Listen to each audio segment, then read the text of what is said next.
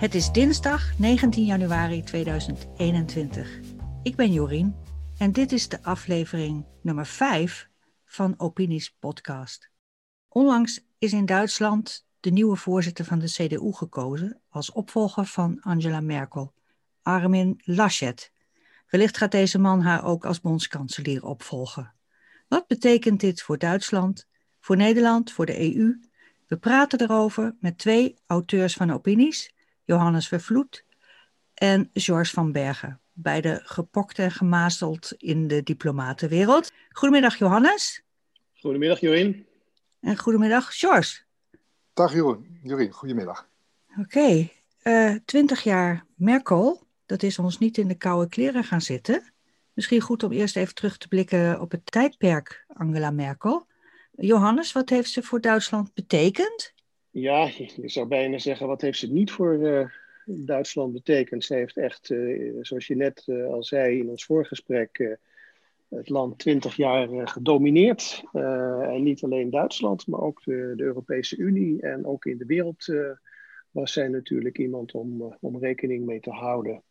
Ze is begonnen inderdaad twintig jaar geleden. Ze, ze was het meisje van Kool zoals Kool dat zo leuk wist, wist, te zeggen. Mhm. En heeft zich snel opgewerkt na de hereniging, hè, want ze komt uit de DDR, in, in de CDU-partij. werd eerst secretaris-generaal. En toen haar partij de verkiezingen won in 2005, werd ze bondskanselier en is dat onafgebroken gebleven tot, tot op heden onvoorstelbaar. En uh, ook, ook, ook, populair. Ze heeft al wat hiccups gehad. Ik heb daar nog eens een, een, column over geschreven. Dat was toen hij gedoodverfde opvolgster Annette Kram, AKK, in de volksmond mm geheten. ja, door een affaire in Turingen die opvolging weer moest, moest teruggeven. En dat sloeg natuurlijk ook terug op uh, Muti, hè, zoals ze uh, in Duitsland uh, heet. maar daar is ze weer van, boven, bovenuit gekomen. En, en, en, zeker sinds een jaar, zeg maar, en, en, gedragen als het ware op de coronacrisis, ook al klinkt dat een beetje raar, is ze weer heel, heel populair. Ja, ze wordt wel de crisiskanselier genoemd, klopt dat? ja, alleen Alleen, ja, George, jij onderbreekt me, je vult me aan. Ja, ja, ja. maar misschien, maar misschien één ding. Eh, er wordt vaak gesproken over de methode Rutte. Daar hebben we de laatste tijd heel veel over gehad. Maar ja, de doctrine. ook de methode, ja. de doctrine zelfs. Mm ook de methode Merkel. Hè. Afwachtend, uh, rustig, uh, bemiddelend, kleine stapjes. Hè, uh, dat, dat, dat is zoals Merkel altijd haar politiek heeft bedreven. Nou, dat is misschien ja, wel, dat... wel, een leuke, Johannes, om even iets aan te vullen. Want je hoort dat altijd, hè, dat zij uh, eigenlijk afwacht en bijna nooit uh, uh, prompt maatregelen neemt. Maar er zijn eigenlijk twee, denk ik, beroemde, of eigenlijk moet je zeggen beruchte uitzonderingen op die manier waarop zij politiek bedreef. En dat zijn toevallig net twee uitzonderingen waarvan je zou zeggen, die hebben echt heel erg beroerd uitgepakt. Hm.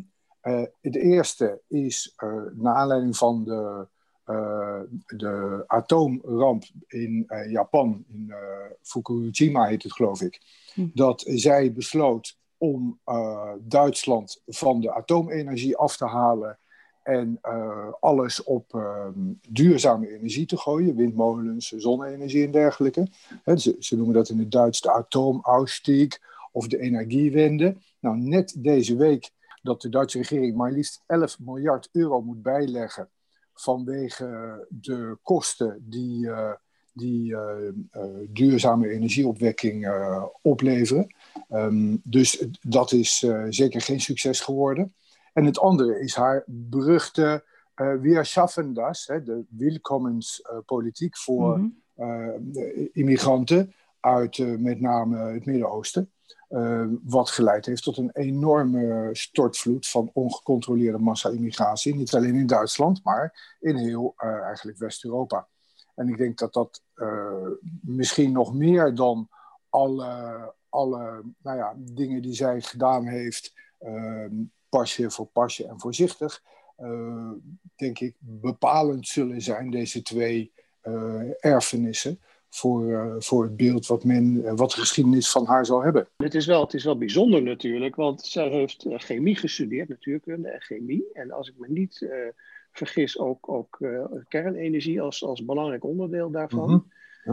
En, en dat zo iemand met die achtergrondkennis dan eh, voor een atoomausstieg pleit, ja, dat was inderdaad iets wat, wat heel bijzonder was. En, en de tweede, uh, ja, weer Schaffendas, daar heeft ze tegen alles en iedereen in moeten, moeten roeien, ook tegen haar eigen kabinet. Lachey overigens heeft haar daarbij gesteund. Hè? Hij was een van de weinige minister-presidenten van de landen die, die haar daarbij bij steunde. Maar Beieren bijvoorbeeld niet. Hè? En, uh, maar ik heb nog een derde, George. Ik weet niet of je het daarmee eens bent. Wat denk je van de 750 uh, eh, miljard? Ja, ik dacht... Dat, heeft, nou... dat heeft ze samen met, met Macron bekokstoofd. En dat ging tegen, tegen haar eigen uh, kabinet ook weer in. En tegen ook de Duitse traditionele, voorzichtige begrotingspolitiek en, en, alles. Dus ja. dat is denk ik nog een derde. Ja, ja, ik ben het helemaal met je eens. Ik, ik denk inderdaad dat dat...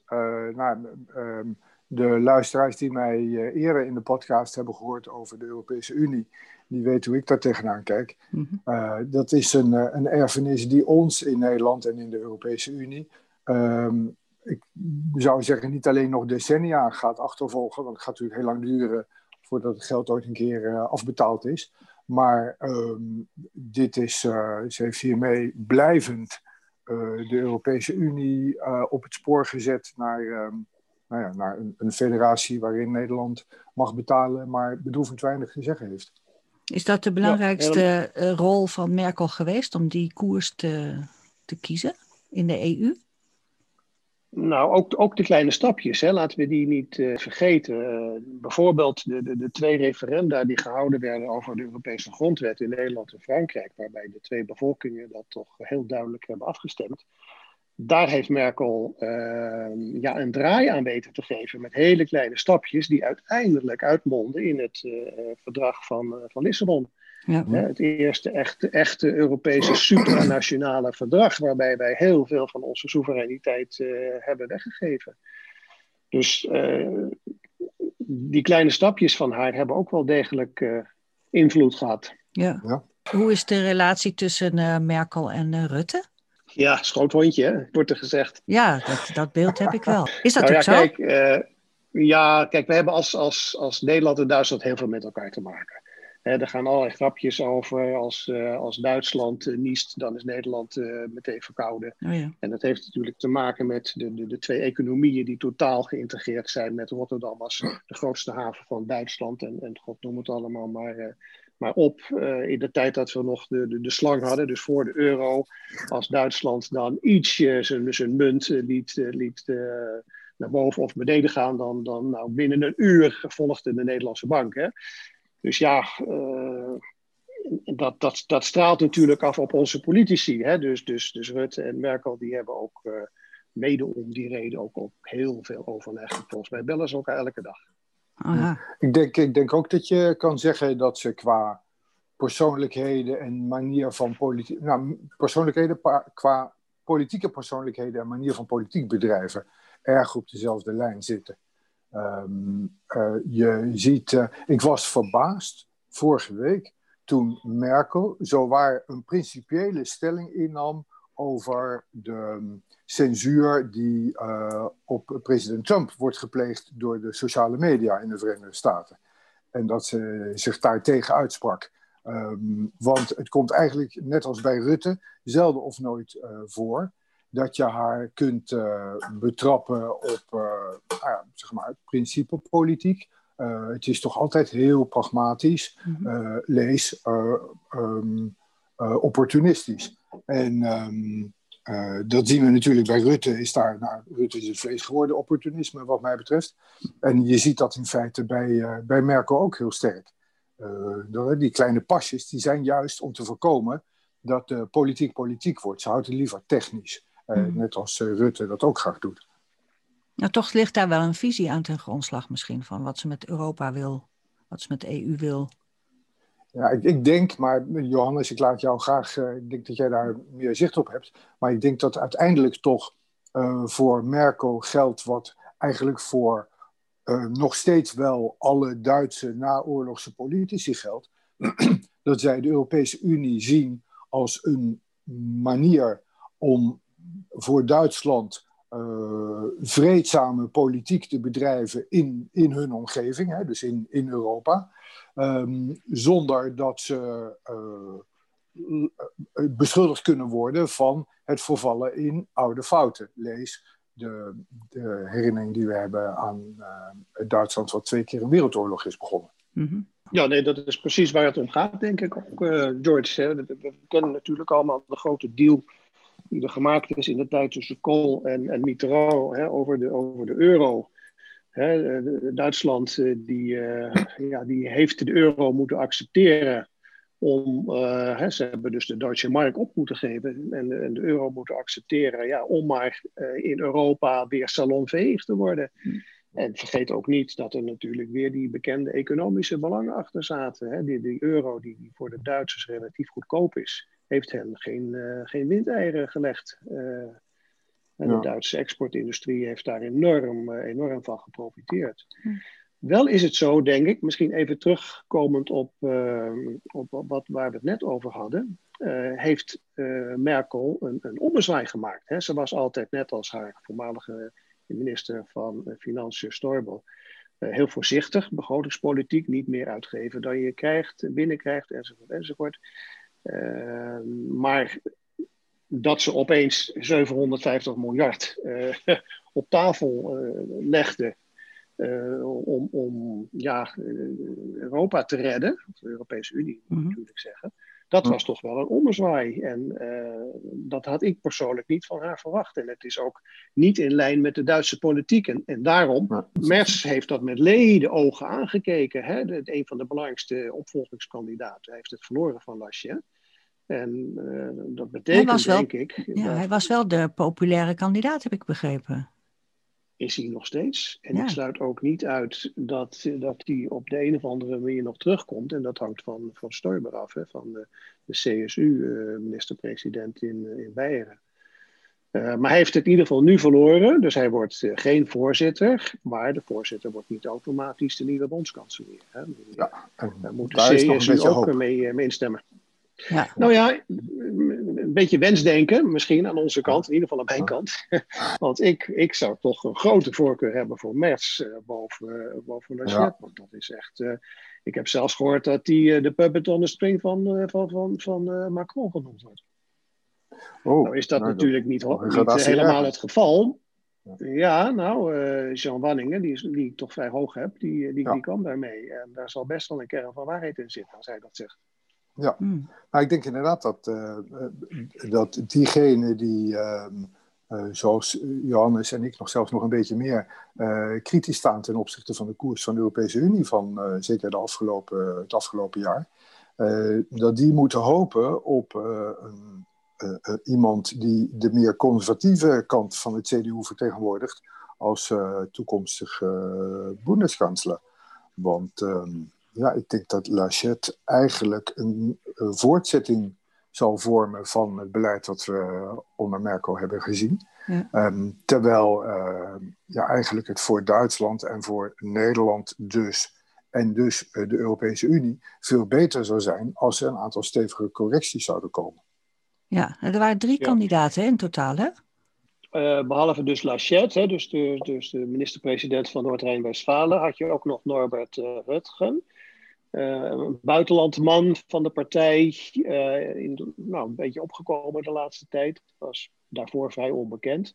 En dan waar we het net over hadden, Friedrich Merz, ja. de oud-fractievoorzitter. Die Merkel heeft uh, ja, eigenlijk weg, weggewerkt, weggepest, om te zeggen maar rustig. Hm. Maar toen hij hoorde dat zij ermee ophield, heeft hij zich meteen kandidaat gesteld. Dus hij is, hij is weer terug. En nogmaals, ik, ik schrijf hem nog niet af. Want, want Marcus Sturber, hè, die moet dus, CSU en en CDU gaan samen de verkiezingen in in september. Uh, die moeten dus een gezamenlijke uh, kandidaat uh, kiezen die die twee partijen gaat vertegenwoordigen. Ja. En dat kan Stoiber zelf zijn, hoewel hij gezegd heeft dat hij in Beieren wil blijven. Ja. En, maar als Stoiber dus Laschet niet, niet ja, accepteert, dan, dan, dan is, de, is dan is het weer open voor andere kandidaten. En dan, dan is Merz denk ik nog steeds een kandidaat, samen met Jens Spaan, denk ik. En Markus Söder, hè, als minister-president van Beieren, die is heel populair in Duitsland. Ja. Hij heeft niet mee willen doen aan de verkiezingen. Dat, had hij, dat kon ook niet, want hij is niet van de CDU, van de CSU, de zusterpartij in Beieren.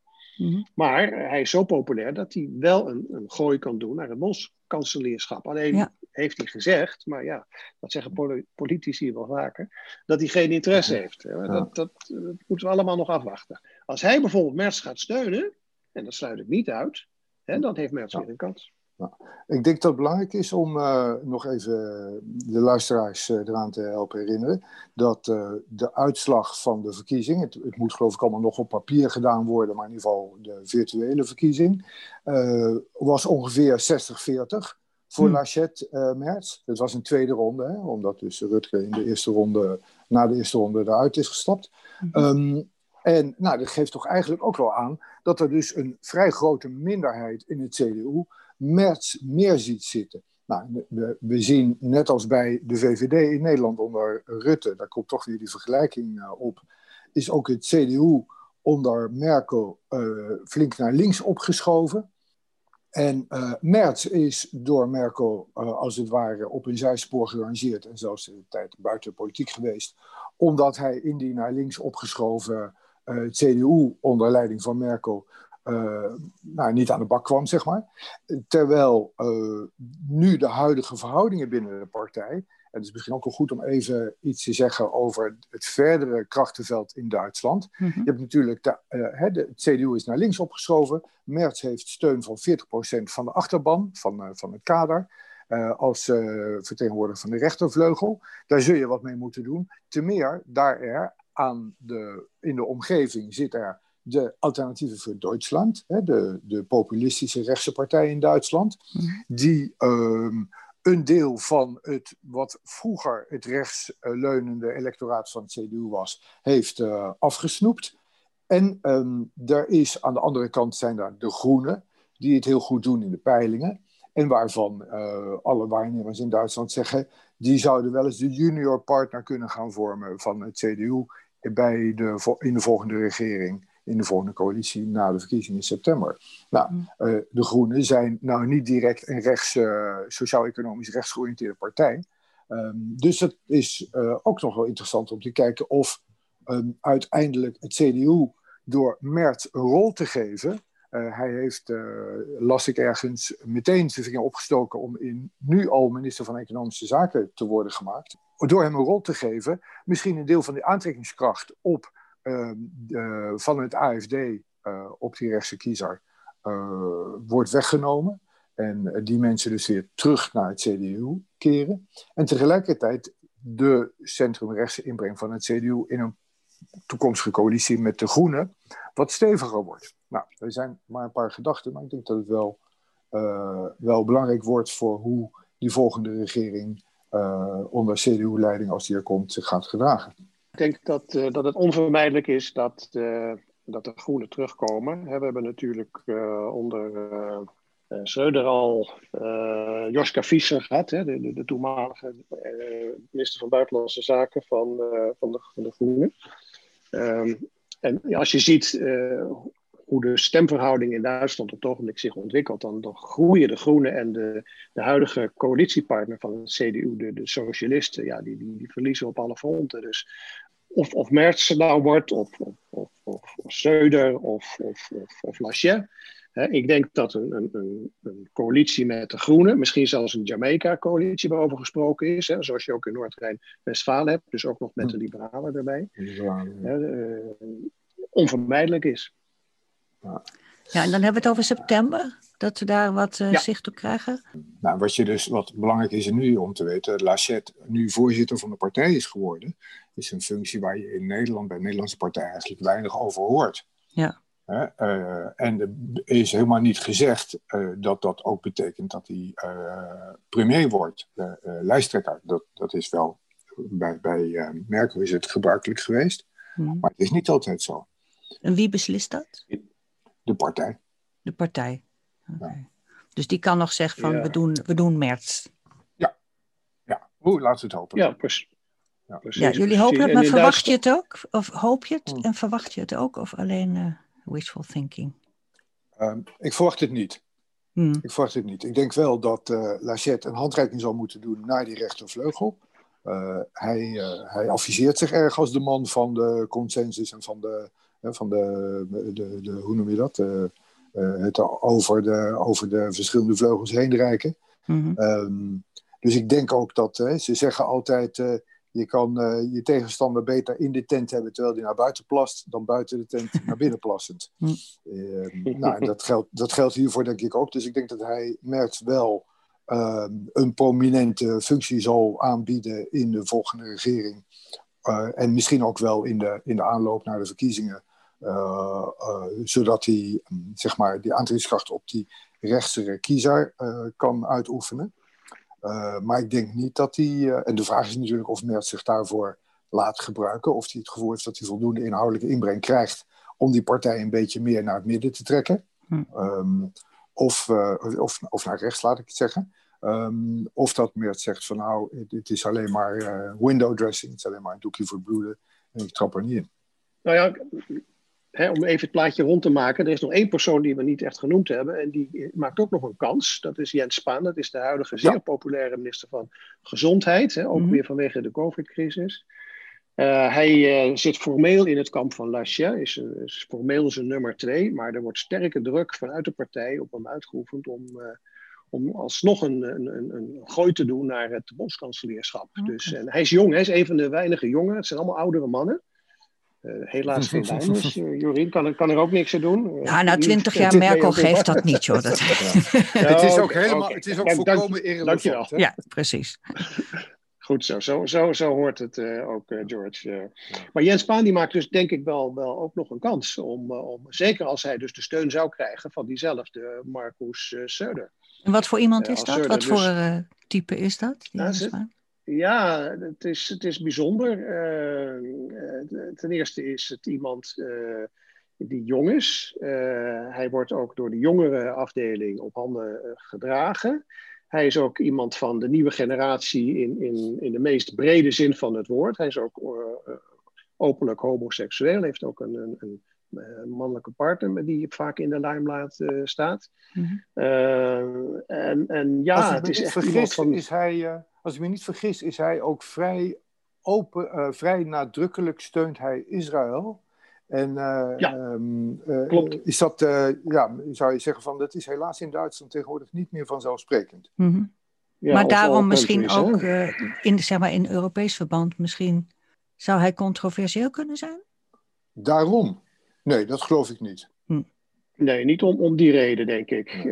en bovendien, hij, hij, kijk, al, al die kandidaten waar we het nu op over hebben, zitten allemaal ergens in het midden. De een wat meer naar rechts, zoals Merz, en de ander wat meer naar links. Maar het kan wel een groot verschil maken. En, en ja, weer een bruggetje misschien, Jorien.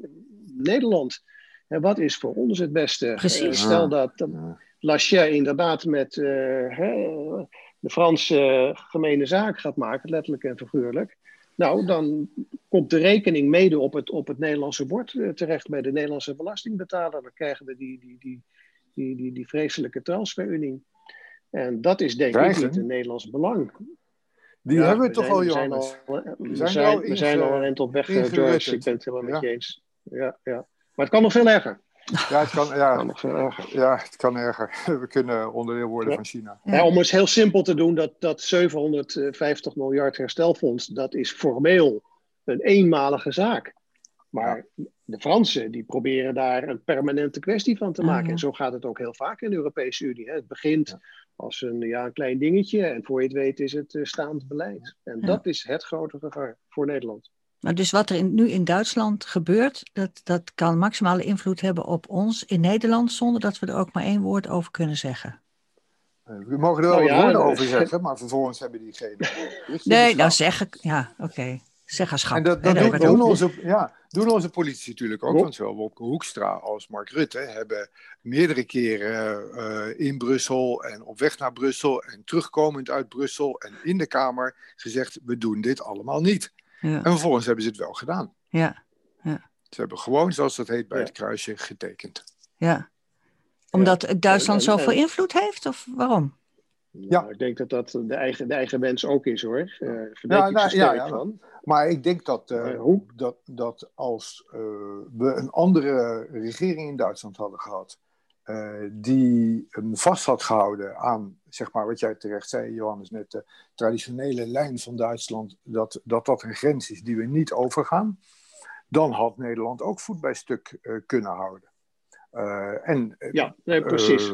Dan hadden ze het gedurfd en dan hadden ze. Want ik denk dat dat uiteindelijk is dat een beetje wat er speelt. Hè? Dat, het kan best zijn dat Rutte diep in zijn hart, en soms zegt hij het trouwens ook wel hardop, graag wil meewerken aan een ever closer union, en, mm -hmm.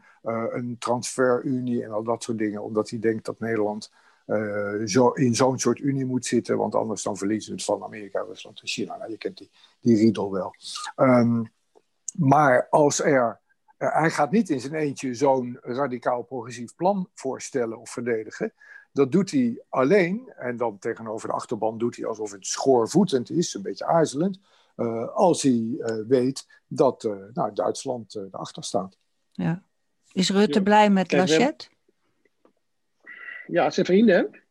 Ze kennen ah. elkaar heel goed. Oh, ja? Hij, is, uh, ja, ja, heeft pas in december nog een ontmoeting uh, met hem gehad, virtueel overigens, hè, dat kon even niet anders. Mm -hmm. En met alle, alle ministers erbij van, van Noord-Rijn-Westfalen en van, van Nederland. nee, er zijn hele innige verhoudingen. Niet alleen dus de twee personen, maar ook Noord-Rijn-Westfalen en, en, Nederland. Ja. Kijk, institutioneel is het natuurlijk heel logisch en heel goed dat de, de bondstaat waar Nederland uh, aan grenst, de grootste van allemaal, de meest bevolkingsrijke, uh, die economisch voor ons natuurlijk groot, van groot belang is vanwege de verbinding met het achterland. Dat we daar uh, dat soort bijeenkomsten of ontmoetingen mee hebben en dat we intensief contact onderhouden op niveau minister-president. Dat lijkt me heel logisch en heel verstandig. Ja.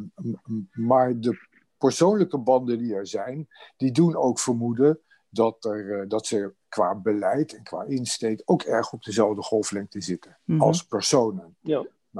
Dat is, ja. Nu had Nederland wel altijd nog een eigen positie. Dat kun jij je ongetwijfeld ook nog herinneren, George. Dat waren de zogenaamde Benelux-papieren. Ja. wij namen als, als, als klei, drie kleine landen vaak een middenpositie in toen, toen de Britten nog lid waren tussen, tussen Duitsland, Frankrijk en, en Groot-Brittannië. En, en, in dat Benelux-paper werd dan de, het compromis geformuleerd. Ja, die positie zijn we kwijt. Bovendien zijn we onze grote broer kwijt. Hè, de Britten zijn eruit. Ja. En, en waar we altijd dan nog een beetje tegenaan leunden, Duitsland is nu ook helemaal zeg maar, de kant van, van Macron van Frankrijk opgegaan. Dus ja, nu wordt het wel heel erg moeilijk om uh, hè, ons eigen standpunt, als, als dat al anders is, te handhaven. Het enige wat we nog kunnen doen, en dat weet je ook, George, uh, is, is de bekende opt-out, wat de Denen doen. Denen zijn niet lid, uh, lid van de Europese zone. Ja, het zou een stap van, van de eurozone. Zijn. Absoluut. Denen zijn niet lid van Schengen, de, de Denen zijn niet lid van de, de uh, defensiesamenwerking. Dus ja, wat kunnen wij wel? Maar dan moet je wel sterk in je schoenen staan. En met een Vivaldi-coalitie die we waarschijnlijk gaan krijgen hè, na onze verkiezing in 17 maart, hè, dus met linkse partijen, is daar geen sprake van. Het enige ja, wat nog zou kunnen gebeuren als, als de rechtse partijen in Nederland zoveel winnen, dat Rutte wel over rechts moet gaan regeren. En dan, dan kunnen we een andere positie innemen, maar anders zie ik dat niet gebeuren. Alleen als uh, wat gemakshalve de rechtspopulistische partijen worden genoemd, als die samen uh, 76 zetels halen, uh, kunnen we een verandering van het beleid verwachten. Zolang de grote partijen samen een meerderheid hebben, en dat maakt niet uit of het nou zogenaamd rechts VVD is, zogenaamd centrum CDA, zogenaamd Sociaal-Democratische Partij van de Arbeid of de, Groen, de GroenLinks of D66. Zolang die bij elkaar met de steun van de ChristenUnie en een beetje staatsrechtelijke steun van de SGP zelfs, um, een meerderheid hebben, komt er geen verandering in het beleid en zullen we gewoon verder die kant op blijven afglijden. Ja, dat, dat valt misschien een beetje buiten de scope uh, van wat er in Duitsland gebeurt momenteel. Ja, nou ja. niet helemaal natuurlijk, want het is allemaal verweven. Ja. ja. Moeten we ons zorgen maken over de trend die in Duitsland plaatsvindt, zeg maar, wat de verkiezingen betreft. Moeten we ons daar zorgen over maken? Ja, dat is maar net uit welke invalshoek je dat bekijkt. Hè? Er zijn mensen die staan te juichen uh, met wat, wat er nu allemaal aan het gebeuren is. En de mensen die vinden het vreselijk. Uh, en ja, ik, ik, ik heb grote zorgen. En uh, met name dus omdat Laschet nog, nog meer richting Frankrijk mee beweegt dan, dan Merkel al, al, ja. al, deed. En dat is, dat is gewoon slecht voor Nederland. Dat gaat ons heel, ja. heel veel geld kosten. Ja. Wat gaat de komende maanden nog gebeuren wat we in de gaten moeten houden? Wat Duitsland betreft? Nou, de kandidaat voor de bondskanselier, dus zeg maar de, de gemeenschappelijke kandidaat namens CDU en CSU, uh, die dan de verkiezingen ingaat. Uh, ja, dat is in september? Mm -hmm. Nee, nee, de, de verkiezingen zijn in september. Maar ik denk dat wil je die verkiezingen op tijd ingaan en een goede campagne kunnen voeren, dan moet je ook bij tijds een, een gemeenschappelijke kandidaat hebben. En of dat nou Lacher wordt of blijft, zoals je wil, of, of, of, of, of Söber, of, of Söder, of, of, Jens Spaan. Hè, dat, dat moeten we zien. Dat, dat moet denk ik snel zijn beslag gaan krijgen. En waar we ook dan naar moeten kijken nog, uh, is de verkiezingen in de landen. Er zijn in, vier landen deelstaatsverkiezingen. En met name wordt er gekeken wat gebeurt er in Turingen. He, want in Turingen, daar is uh, AKK uh, gevallen, he, de, de, de gedoodverfde opvolgster van, van Merkel. Ja. En als het CDU in Turingen weer behoorlijk uh, slag krijgt en, en gaat verliezen, ja, dan denk ik dat, dat veel mensen binnen de partij en ook binnen de CSU zeggen, ja, moeten we dan met die Laschet wel verder? Laten ja. we beter dan een ander kiezen. Ja. En de, de, het verlies van het CDU in Turingen zou ten gunste van alternatieven voor Duitsland zijn. Hè? Dus de vraag is denk ik vooral waar je naar gaat kijken, is uh, kan een CDU onder leiding van Laschet uh, voldoende aantrekkingskracht houden op die centrumrechtse middenkiezer uh, om, om hun machtspositie te behouden in de, in de Duitse politiek? of gaat de, de, het idee dat hij eigenlijk een beetje diezelfde linkse lijn van Merkel voortzet, mm. gaat dat het CDU kiezers kosten ten gunste van populistisch rechts? Precies, en dat, dat was ook de reden dat, dat, dat Merz uh, hè, zo, zo naar voren werd geschoven, omdat men hoopte dat Merz voorkwam, zou voorkomen, hè, dat veel kiezers naar de AFD zouden overlopen. Ja. Ik, ja. uh, ik, heb, uh, ik heb ergens gehoord dat ook in, in Baden-Württemberg en Rheinland-Pfalz ook nog in maart regionale verkiezingen zijn. Dus ik zou denken dat als dat achter de rug is, het in april of mei er wel een besluit moet worden genomen wie dan de eh, de kandidaat voor het uh, kanselierschap wordt. Ja, oké. We zijn heel benieuwd. Ja, precies. Ja. Zeg, uh, dank George en dank Johannes ja. voor deze uitgebreide toelichting. En we spreken elkaar binnenkort weer. Ik hoop het. Was welkom. Tot gauw. Dankjewel. Dit was de podcast van Opiniescom. Opinies met een Z. Voor de nieuwste bijdragen en columns over politiek en maatschappij in binnen- en buitenland. Het is helemaal gratis